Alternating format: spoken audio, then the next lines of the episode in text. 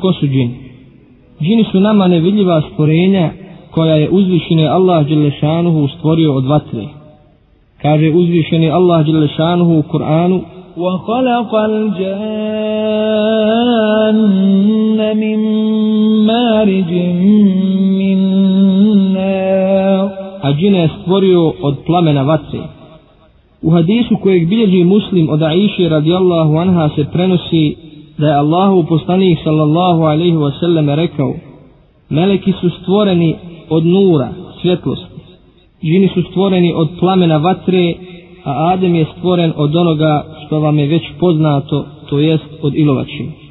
Svijet džina je paralelan svijet ljudima, mada se taj svijet u mnogo čemu razlikuje od našeg svijeta. To je nevidljivi, nadiskustveni svijet koji je za ljude nepoznat osim po onome o čemu ih je sveznajući obavijestio. Od tog svijeta džina su i posebna vrsta koja se naziva šeitani.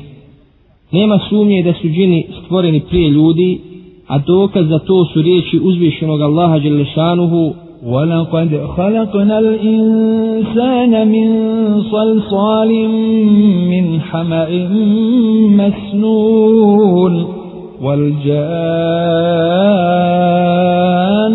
خَلَقْنَاهُ مِنْ قَبْلُ مِنْ نَارِ السَّمُومِ Mi smo Adema stvorili od ilovače, od blata ustajalu, a još prije smo stvorili džinove od vatre užarene.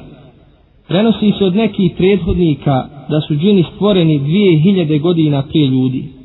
Postojanje džina i džinskog svijeta je neosporno, jer na to jasno upućuje Kur'an, sunnet i šeita neka na njega Allahovo proklestvo pripada svijetu džina, a dokaz su riječi uzvišenog u kojima kaže وَإِذْ قُلْنَا لِلْمَلَائِكَةِ اسْجُدُوا لِآدَمَ فَسَجَدُوا إِلَّا إِبْلِيسَ كَانَ مِنَ الْجِنِّ فَفَسَقَ عَنْ أَمْرِ رَبِّهِ A kada smo rekli melekima, poklonite se Ademu, svi su se poklonili osim Iblisa, on je bio jedan od džina i zato se ogriješio o zapovijest gospodara svoga.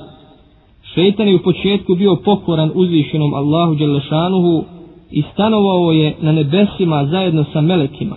Ali kada mu je Allah Đelešanuhu zajedno sa melekima naredio da učini Ademu seždu, on je odbio i bio je nepokoran, pa ga je Allah Đelešanuhu prokleo i udalio od svoje milosti.